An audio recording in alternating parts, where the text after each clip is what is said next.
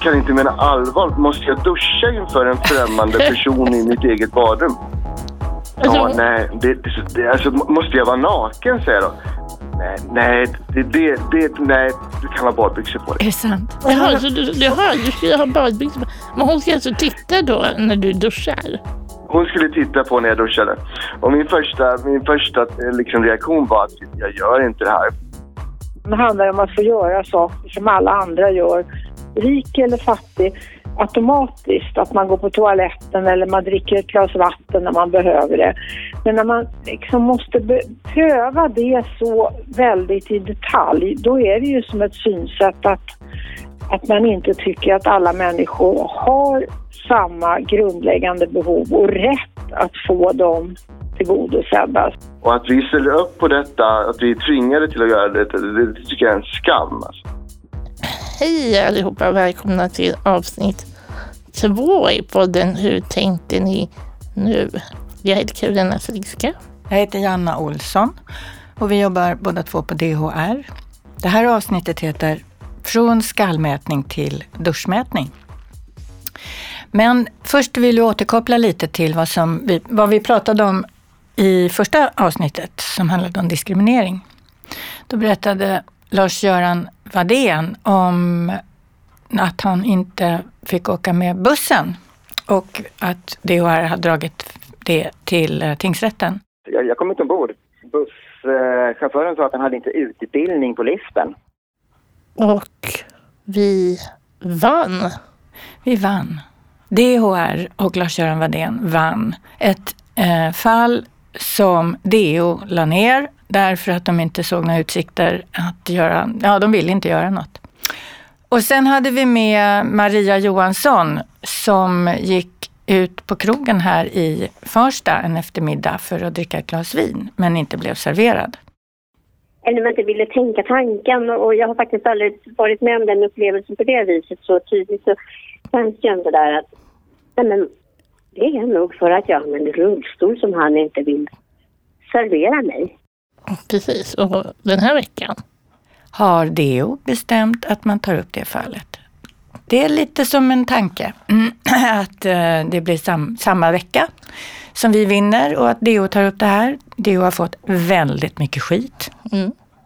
det händer grejer. Det är värt att kämpa. Så anmäl alla. Ja, och framförallt funktionshinderrörelsen är jätteviktig. Men den här gången tänker vi prata om personlig assistans. Men vad ska vi prata om då, Anna? Det är ju väldigt många som pratar om personlig assistans. Ja, fast man pratar om utredningar, man pratar om direktiv, man pratar om fusk, man pratar om barn och familjer som är utmattade och eh, så vidare. Till och med vi är utmattade av det som det pratas om. För det är inte så himla spännande längre tycker vi. Nej, och det är inte egentligen det personlig assistans handlar om tycker vi. Nej. Och det tänker vi prata om, vad det är. Mm.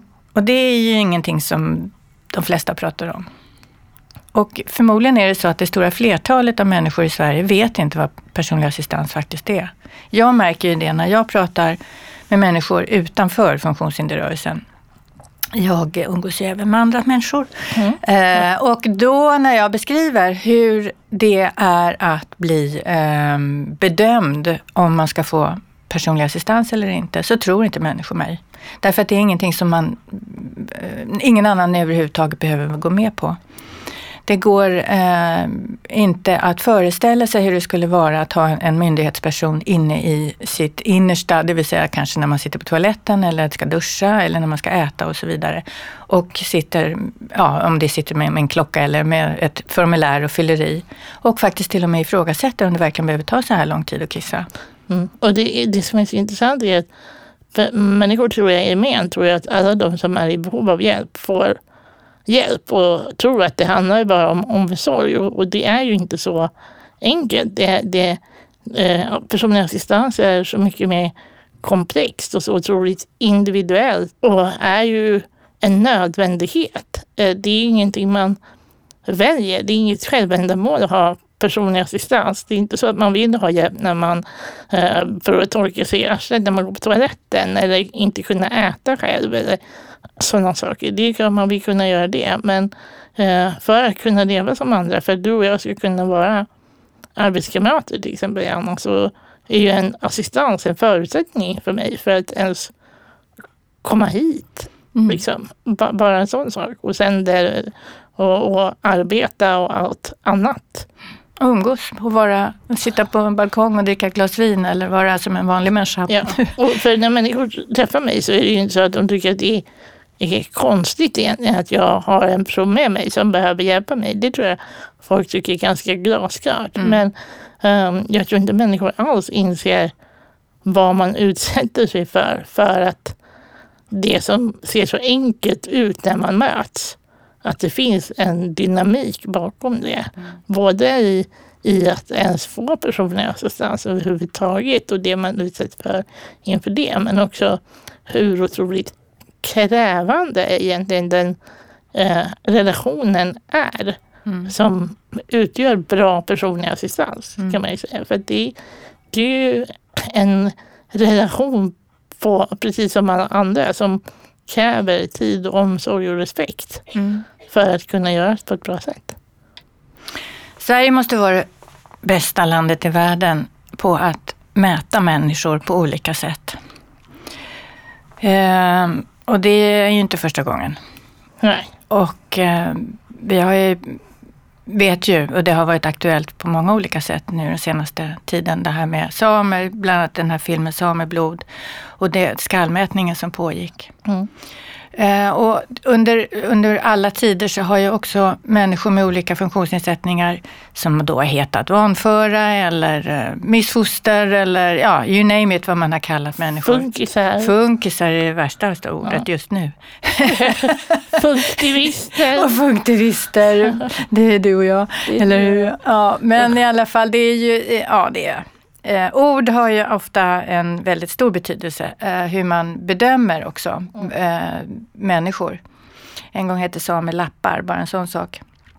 Eh, men i alla fall, eh, Margareta Persson har skrivit en bok som jag håller på att läsa som jag tycker är helt suverän, som heter Gamla synsätt spökar än.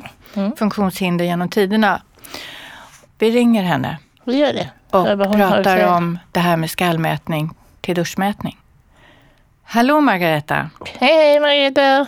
Hej hej! Du, det, det, kan ju låta som att vi hårdrar det hela genom att säga att det är och dra parallellen skallmätning till duschmätning. Men det här är väl egentligen inget nytt?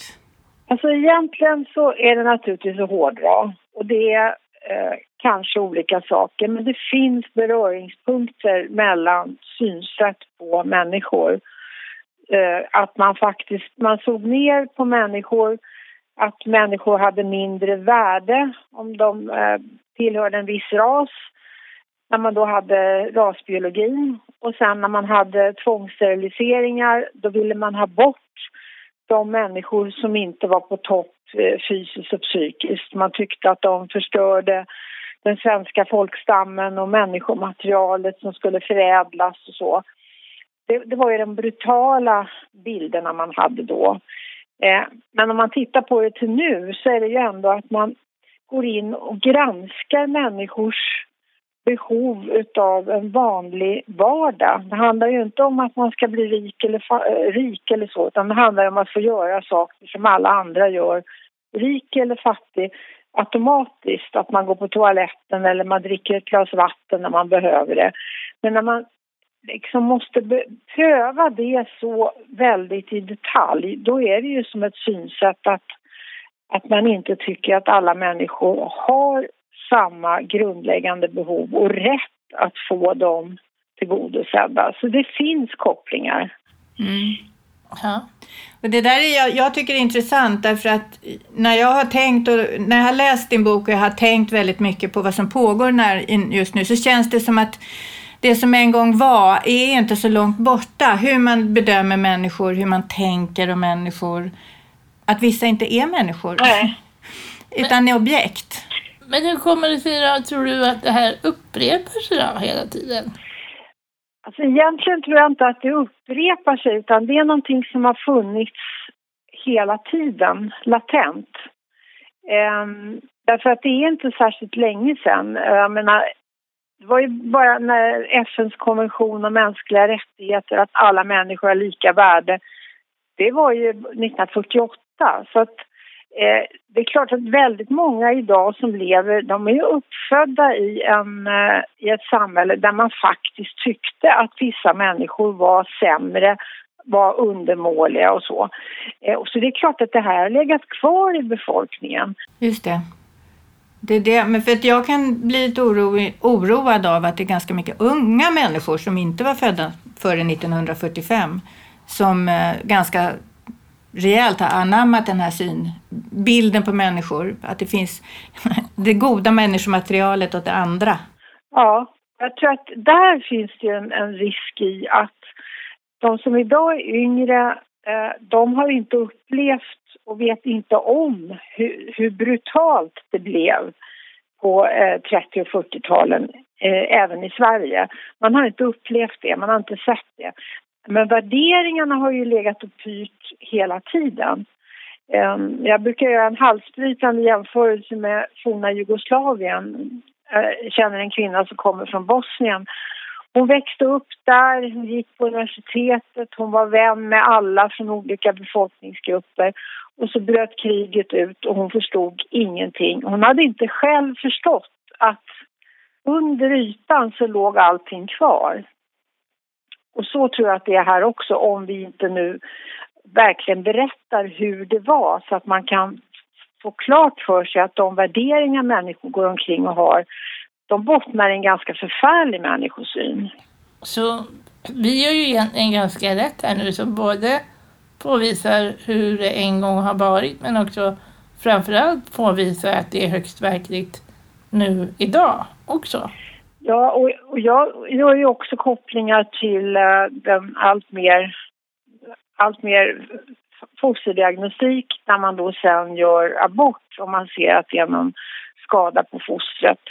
Eh, vi har helt andra motiv och så än vad det var tidigare med steriliseringarna. Men det är ändå en likartad människosyn. Alltså man tror inte att människor med en funktionsnedsättning kan leva ett eh, lika bra liv som någon annan. Att, att det är ett eh, ovärdigt liv eller att livet inte kan bli lika bra.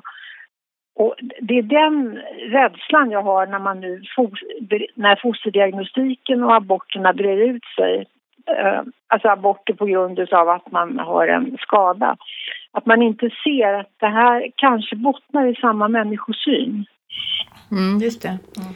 I din bok eh, så inleder ju du med att du har vuxit upp med en mamma som använder rullstol. I den tiden, ja. i den tiden då, då, du växte ju upp i den tiden när hon, hon var ju ganska isolerad som jag förstod det och levde liksom i lägenheten. Ja. Kan du berätta lite om hur det var som barn att leva på det sättet? Ja, alltså som barn var det ju inget problem. Alltså för mig var ju det här det som var naturligt. Eh, det var ju fullständigt naturligt att mamma satt eh, fastlåst vid köksbordet hela dagen och fick vänta på att jag kom hem från skolan så att jag kunde hjälpa henne på toaletten. Eh, det var ju bara naturligt för mig. Eh, men det är ju först nu som vuxen och som äldre som jag till fullo inser vilket oerhört begränsat liv hon fick eh, på den tiden. Men för mig var det naturligt och normalt. Men den omgivning som ni hade, du och din pappa, hur, hur, hur såg de på dig och din pappa. Var det synd om er eller var det synd om henne? Eller hur? Ja, det var ju väldigt intressant att jag drabbades av att vuxna tyckte synd om mig. Eh, för att jag hade en mamma som var sjuk, som de sa. Hon var inte sjuk.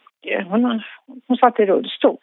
Eh, men det var väldigt synd om mig. Och min pappa han blev hjälteförklarad som var en sån fantastisk man som kunde vara gift med en kvinna i rullstol att, att det var inte mamma man uppmärksammade utan det var mig och pappa på något sätt.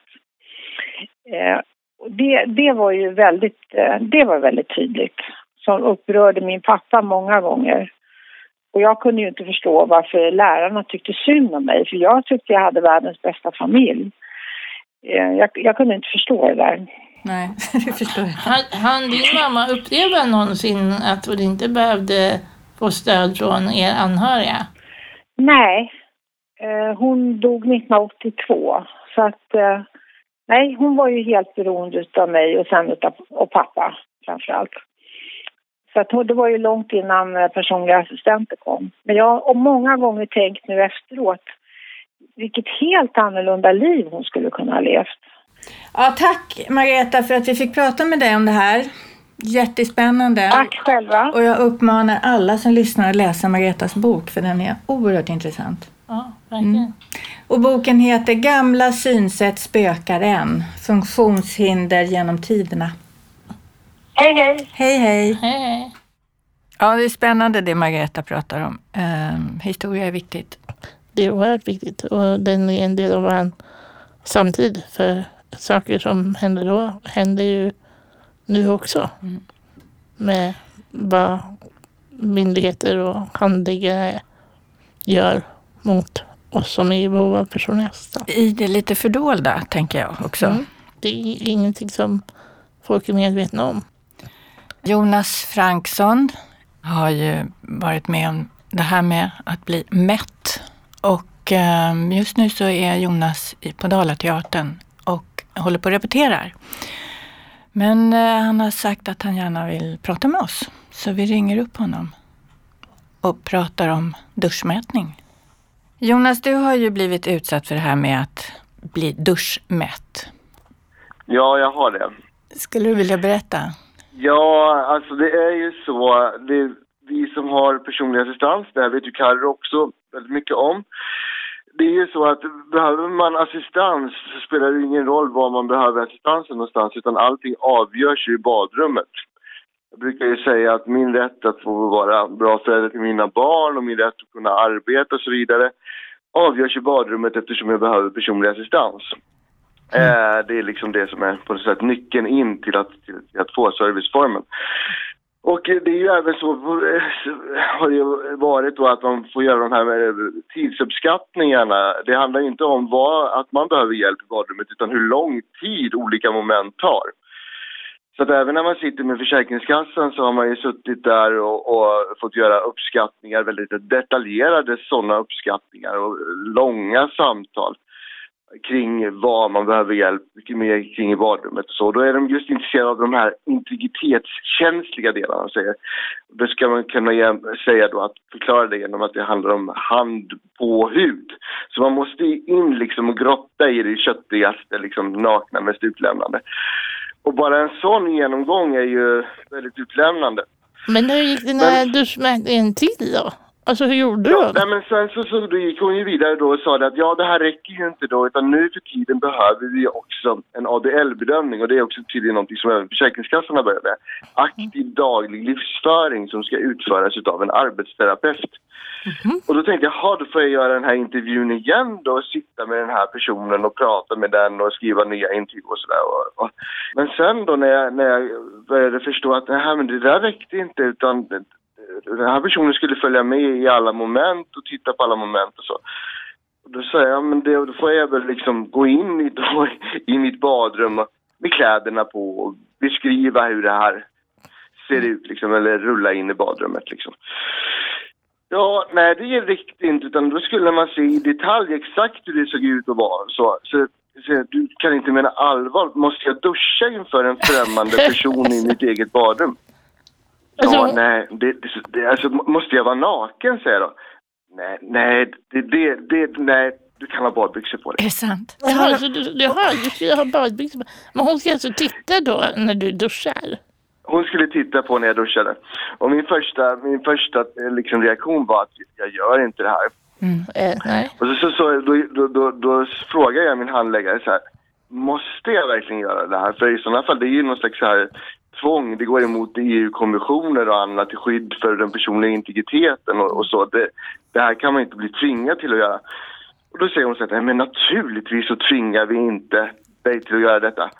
Men jag kan inte vara säker på att när jag går till min chef med det här underlaget att jag får ett så bra underlag så att du kan få dina timmar. Åh, så infamt. Ja. Och då var jag ändå i en tvångssituation. Jag tänkte, hade det bara rört sig om mig själv då hade jag ju funderat lite mera. Men nu, eh, då 2013 var mina barn fortfarande små. Mm. Så det handlar ju också om deras liv. Va?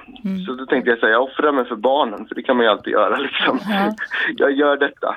Men det är, det, det är ju också så himla intressant för att jag tänker utifrån, alltså det blir fortfarande bara hennes bild. Alltså hon har ju egentligen ingen bevisning mer än vad det hon har, har sett. Så Ja. skulle hon egentligen vilja kunna rättfärdiga det här för sin chef då, då skulle man ju egentligen ha filmat dig också i den här duschen. Ja, Då, precis. för att kunna visa för om handläggaren var ju som tur var inte med i alla fall, utan det var ju den här arbetsterapeuten. Och det får jag säga att i arbetsterapeutens försvar så, så skötte hon det snyggt och jag fick ta med min egen, alltså, alltså med den här arbetsterapeuten på landstinget. Det var en person jag aldrig hade träffat tidigare. Mm. Men eh, ibland så väljer ju också kommunerna ut själva vilken arbetsterapeut som ska f- följa med. Och de arbetsterapeuterna vet jag kan vara väldigt jobbiga att göra med. Men det här var en schysst arbetsterapeut så hon stod också lite, hon tyckte ju själv att det här var lite jobbigt, så hon stod liksom ute i, i hallen och kikade liksom över axeln på min assistent och skrev upp och, och, så va. Men hon stod inte Men med någon slags tidtagare. Det var inget, ja, det förstår jag. Det var inget tidtagarur utan hon skrev ner momenten som gjordes eh, och hur lång tid det tog ungefär, eller hur? Ja, hon skrev Ja. ner momenten och så sen så, så, så, sa skrev, hon tog inga tidtagare ur där utan hon gick igenom mitt underlag och sa att eh, jag hade bedömt de här sakerna på, på, på rätt sätt. Att det Okej, var så här lång tid det tog. så, din, så din tidsuppfattning var ändå okej? Min tidsuppfattning var okej, men jag, jag tyckte ju att det här var väldigt jobbigt och det gör jag fortfarande. Alltså när, det är ju posttraumatisk stress. Jag pratar gärna om det för att det är viktigt att sprida ordet om vad som sker. För det är väldigt många som inte gör det, men, men det är ändå eh, var en väldigt uppslitande sak. Mm. Men det intressanta för mig då som har jobbat mycket med de här frågorna och också har ett väldigt intresse, för eh, nutidshistoria är ju att det här ligger så nära till hans, utifrån tidigare kontroller som man har gjort ifrån den svenska statens sida som har lett till alla de här tvångssteriliseringarna och utdefinieringen och så. Mm. Och eh, Sverige har ju hamnat någonstans i ett läge där man är väldigt bra på att ge eh, rättigheter och service och stöd, eller i alla fall har varit det. Men där man är väldigt inriktad på individuella kränkningar för att få rätten till det här. Mm. Och hela, jag skulle säga att hela det här systemet som är uppbyggt kring de här grundläggande behoven, de här duschbedömningarna, det är ju i grund och botten en kränkning som man måste genomgå för att kunna få sina mänskliga rättigheter. Mm. Och att vi ställer upp på detta, att vi är tvingade till att göra det, det tycker jag är en skam. Alltså. Det är det. Och Och vi är sen, tvingade till att göra det, så det är inte så konstigt. Men, men jag tycker också att funktionshinderrörelsen borde bli bättre på att faktiskt protestera, inte bara rätten till assistans utan också mot kränkningen som de här bedömningarna innebär. men också sprida att det är så här det går till. Därför att det är väldigt få människor som vet om det utanför funkisrörelsen. Ut, alltså de, utanför även de som inte, alltså inte på något sätt berörs av personlig assistans, vet inte att det är så här det kan gå till. Nej, och, jag, och precis. Och jag förstår också att man, att man genomgår det här därför att även i, i dagsläget, nu har det ju blivit svårare och svårare de senaste åren att få sina timmar från kommunen. Men när jag går till kommunen nu för tiden så kan jag alltid säga, ni var ju i duschen, ni har ju sett i duschen mina behov och så. Och då blir, då blir de lite röda i ansiktet och sådär och så, så vill de inte argumentera så hårt och så blir det lättare. Så därför, jag har ju hjälp av intyget. Men kränkningen sitter ju fortfarande kvar. Det finns ju fortfarande den här känslan över att jag inte jag är inte en människa på jämlika villkor. Jag är någon slags djur som ska bedömas.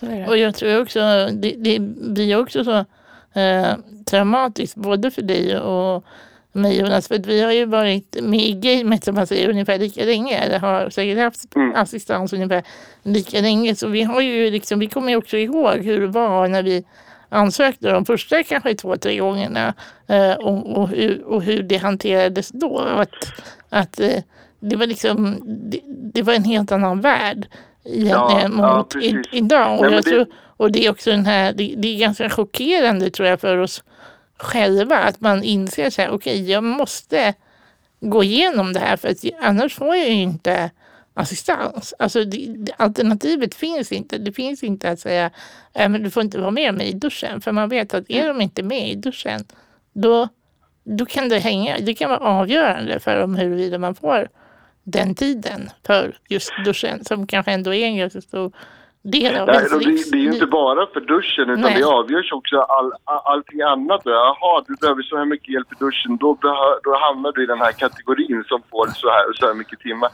Vilket ju i sig är, är ju rätt absurt. Men jag, jag håller med alltså. De första 15 åren var det ju inte på det här sättet. Utan då var det ju verkligen så att man kände sig som en rättighetsbärare, som en, eh, som en jämlike skulle jag säga. Och det där också de här mötena eh, med Försäkringskassan, kommunen skedde på ett jämlikt sätt. Mm. Naturligtvis med ett samtal och så. Naturligtvis så fanns det här systemet i badrummet som jag aldrig har tyckt om. Men man hade ju gränser. Man gick ju inte in i människors badrum. Man började ju liksom inte eh, bedöma med tidtagarur som Försäkringskassan säger att de inte gör men som de de facto har gjort sedan 2010 och framåt. Och, och, man, och det fanns en tillit också till individens egen bedömning också. Att Mm. min uppskattning till av mina sant. Mm, precis. Så att, eh, nej, nej, det, är ju, det, är ju, det är ju skrämmande med tanke på eh, vad vi är på väg och vad vi har varit och hur snabbt man kan gå tillbaka i tiden. Jag tycker Mm. att det här är, är någonting som alla människor borde reagera på. Mm.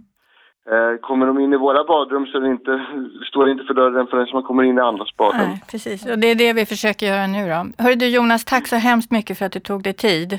Ja, tack själva. Får du gå tillbaka till din repetition? Ja, tack så mycket. Ja. Bra. Tack. Mm. Tack ska du ha. Hej. Hej. Hej. Ja, man blir lite uh, Vad tänker skakad. du Janne? Ja, ja, alltså det... jag, jag, som jag sa till Jonas, jag och Jonas, vi har ju båda upplevt det här till en viss gräns och har upplevt en, vi båda lever ju med assistans och våra upplevelser är ju, vi har ju en, en för förståelse, men för dig som inte har personlig assistans och som också kan ha någon typ av utifrån Mm. perspektiv, vad tänker du? Alltså jag tänker mycket på det utifrån att jag känner både dig och Jonas. Ehm, och eh, jag har ju liksom funderat på, i, om jag hamnar i den situationen att jag behöver ha assistans, hur jag skulle fundera kring det och hur jag skulle förhålla mig till det. Och jag tycker det är en väldigt svår eh, tanke eftersom eh, och jag vet att, jag menar, för mig till exempel så är det, jag har ett enormt stort behov av att få vara ensam. Mm. Vilket jag aldrig skulle kunna vara i så fall om jag var i behov av assistans Ja. på heltid som du. Eh, och man får ju inte ha social fobi eftersom det kräver väldigt mycket social kompetens att styra och ställa och hålla ordning och, och, och också mm, kunna beskriva vad mina behov består i till en annan människa hela tiden. Och att aldrig vara i fred. För det är, det, jag, det är nog det jag skulle känna som svårast faktiskt. Därför att det, har jag, det är min frihet att kunna säga tack men nu stänger jag dörren, jag kan, kan du komma tillbaka sen. Mm.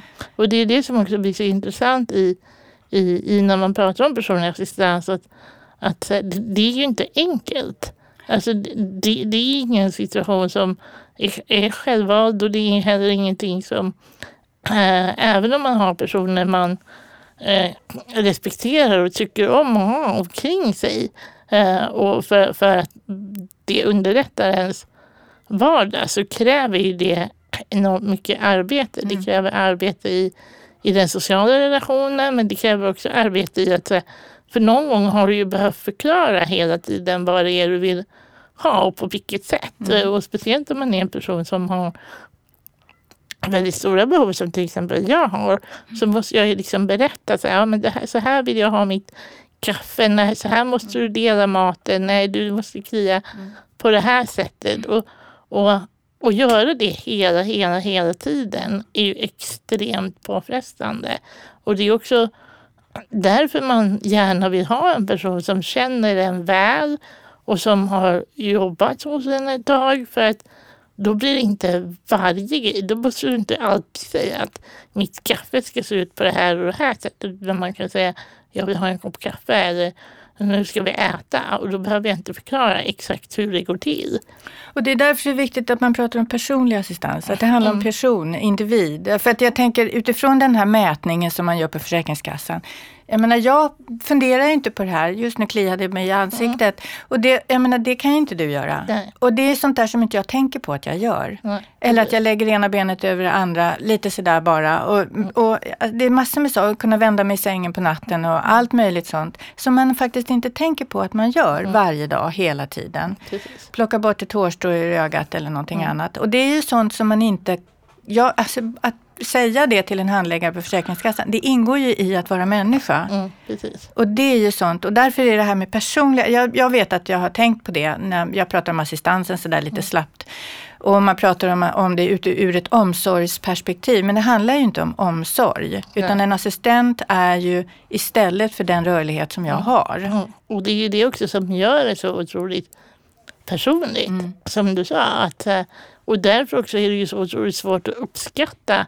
Jag menar, hur ofta behöver man ta bort håret ur ansiktet? När kliar det? När blir man eh, kissnödig? När är man hungrig? Alltså, eh, det faller på sin egen logik någonstans då också att mäta det här. För det är ju just därför kanske du ska ha en person hos dig hela tiden på ett annat sätt. För att du vet aldrig när behovet uppkommer. Mm.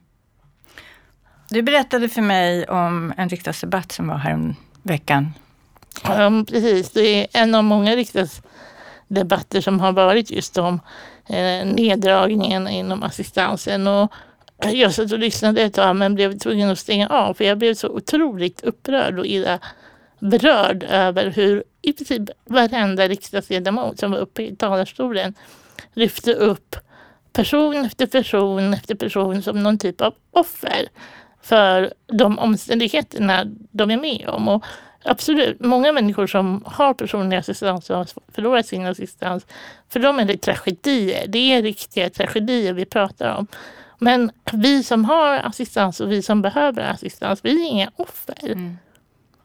Och det gör mig otroligt förbannad faktiskt. Att man framställer oss som personer som behöver medömkan och, och förståelse som någon typ av det är synd om. För det, för det är det inte. För det hade inte behövt vara synd om oss, om man säger så. Och hade vi fått det vi behöver, mm.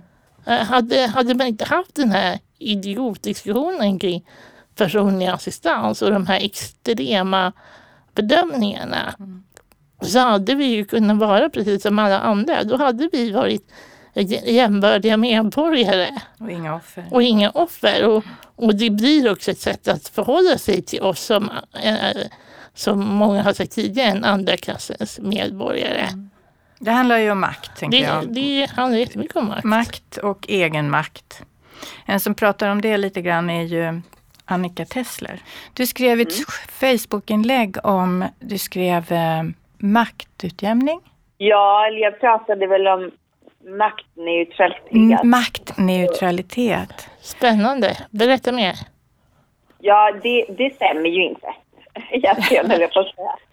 Man kan ju säga så här att på, på väldigt många sätt så är ju assistans sprängfylld av märkliga maktrelationer och statusutjämningar på olika vis.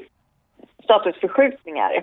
Aha, eh, både i, i vardagen eh, och liksom i stort. Eh, man, ser, man kan väl se det som en treenighet mellan assistansanvändaren, assistenten och samhället. Mm. Okej, okay. vill du berätta mer? För jag tror inte folk ja, hänger med på det där riktigt. Nej, men jag tänker att utifrån, utifrån användarperspektivet då, som det av naturliga skäl så är det det som, som jag har mest koll på, så är det ju, eh, å ena sidan så är ju jag i en, eh, i en väldig underordning gentemot, gentemot samhället. Jag sitter på mina omprövningar på Försäkringskassan med mössan i hand eh, mm. vartannat år och redogör i detalj för mina toalettbesök. Mm. Eh, och i princip ber om att få liksom, möjlighet att överleva. Mm. Eh, och det, det är ju en alldeles särskild form av underordning mm. eh, och integritetsbrott som ingen annan medborgare behöver utsättas för eller egentligen skulle acceptera heller. Eh, men sen, sen är jag väldigt intresserad av, av själva samspelet mellan, mellan mig och mina assistenter i vardagen. Mm. Och där har ju vi ett ömsesidigt beroende. Eh, jag är helt fysiskt beroende av utlämnad till att de gör ett bra jobb. Att mina assistenter gör ett bra jobb. Mm. För att annars, ja, dels så överlever jag inte och sen, får, även om jag skulle överleva rent fysiskt så får jag ju inte mitt liv att fungera och alla de sociala roller som, som jag försöker upprätthålla. Att jag är någons fru och jag är någons mamma och jag är någons kollega och så vidare. Eh, å andra sidan, och, och jag menar att, och då utifrån mitt perspektiv så, så kan det ju hända väldigt dråpliga situationer. Men jag har helt plötsligt så, så sitter man och har ett konflikthanteringssamtal och så är jag bajsnödig liksom. Ja, jag vet att jag skällde på det alldeles nyss, men kan du snälla hjälpa mig att torka mig i rumpan nu? Alltså, Ja, det är svårt. eh, Ja, jag förstår. Ja. Eh, det, det ställer jättespeciella krav. Å andra sidan så är ju eh, min assistents dagliga arbetssituation är ju helt avhängig av hur jag råkar vilja tillbringa mitt liv Mm. eh, den dagen. Eh, eller överhuvudtaget. Så där är ju hon beroende av mig. Plus att det också är så att hennes arbetssituation är också avhängig av att jag trivs med henne Mm. som person. För att annars kan inte vårt samhälle, eller samhälle, annars kan inte vårt samarbete eh, fortsätta. Och då förlorar hon sitt jobb. Alltså förstår du, det, Mm. det går väldigt eh, fram och tillbaka. Mm. Det är intressant. Det är ett väldigt bra sätt att uttrycka det på. Jag har inte tänkt så faktiskt riktigt. Jag tyckte det här med konflikthantering det var ett väldigt bra exempel. Jag funderar det här med egen makt och, och tjänsteutbyte och så. Att inte vara hjälplös och att i det perspektivet finns det, det kanske inte, jag tänker faktiskt om, om det är möjligt att reflektera kring det med dig och, och, och um, Carro, det här med att vara kvinna och man i förhållande till assistans. Bedömningar och att, eh, alltså hur man blir sedd. Det är ju naturligtvis så att, att ni är ju kvinnor båda två, så ni vet ju inte vad det innebär att vara man i det sammanhanget. Men det kanske har, ni kanske har funderat kring det. För jag funderar kring- kring det hela. Jag kan ju tycka att funkisrörelsen eller funktionshinderrörelsen som helhet är ganska enkönad, väldigt manlig och väldigt eh, konservativ i den bemärkelsen. Man pratar väldigt lite kring de frågorna. Men man vet ju rent statistiskt vet man ju att det skiljer sig både i, i tillgång till assistans mellan män och kvinnor men också i hur mycket assistans man får mellan män och kvinnor skiljer sig åt. Vilket också blir intressant med tanke på hur, hur man pratar om jämställdhet i samhället Mm. i övrigt och det här med make, makes ansvar och vad man förväntas kunna göra hemma. Att när det helt plötsligt kommer till personlig assistans så är det 50-50 each. Men man vet ju att i många relationer så ser ju inte markservicen riktigt ut så. På det sättet. Jag vet inte om du känner igen dig i den beskrivningen? Ja, men så är, så är det ju, absolut. Jag, jag håller ju med om er. Jag har ju egentligen inga större erfarenheter av funktionshinderrörelsen i stort. Däremot så, så jag är ju ryggmärgsskadad så, så jag upplevde ju den rehabiliteringen väldigt starkt. Och där var det åtminstone förr, det var ju länge sedan jag skadade mig, eh, så var över 80 procent av patientklientelet eh, män. Mhm. Det är män som åker snabba motorcyklar och som dyker på fyllan och Ja, ja, Ja. Mm. eh, så. Och jag kunde ju känna att den världen var extremt enkönad. Eh, kom här nu och lira rullstolsbasket. Så, för att hävda din virilitet. Ja, jag vet inte. Eh, så när det gäller eh, assistansbedömningar så jag har hört de här, eh, den här ojämlikheten från dag ett. Jag betvivlar den inte överhuvudtaget. För det går väl hand i hand med hur det ser ut i samhället i stort, vilka, vilka krav vi ställer på oss. Mm. och könen och så vidare. Jag har inte upplevt det själv, men det är nog också för att jag är så... Eh, jag är så extremt assistansberoende, man ska säga. Hade de det resonemanget i, eh, i din bedömning? Att du, du hade en nära relation och hur ni skulle dela Ja, på men, men det hade ansvaret? vi. Mm. Ja, jo, absolut. Jo, men det, det hade vi.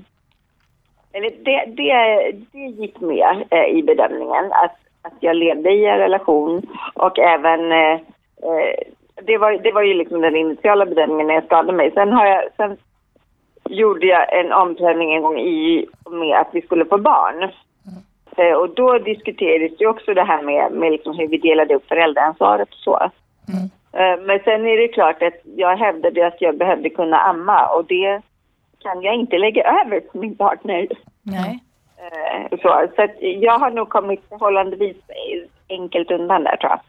Men det har aldrig varit så att man har tyckt att eh, din partner skulle kunna göra vissa saker som egentligen du vill ha assistans för, så att säga? Jo, så är det väl alltid men eh, jag har nog påpekat både en och 15 gånger att nu råkar det här vara en rättighetslagstiftning.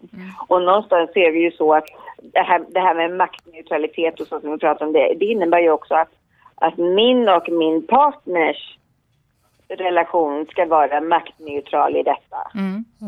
Eh, Ingen av oss ska vara beroende av den andra. Det här är ju en intressant eh, frågeställning tycker jag. Jag skulle vilja göra en hel podd bara om detta. Faktiskt, därför jag tycker det är så spännande. Och jag tycker också att det är så lite pratat om det. Annika, jag är jättetacksam och vi är jätteglada över att du vill vara med. Och Tack så jättemycket. Hej!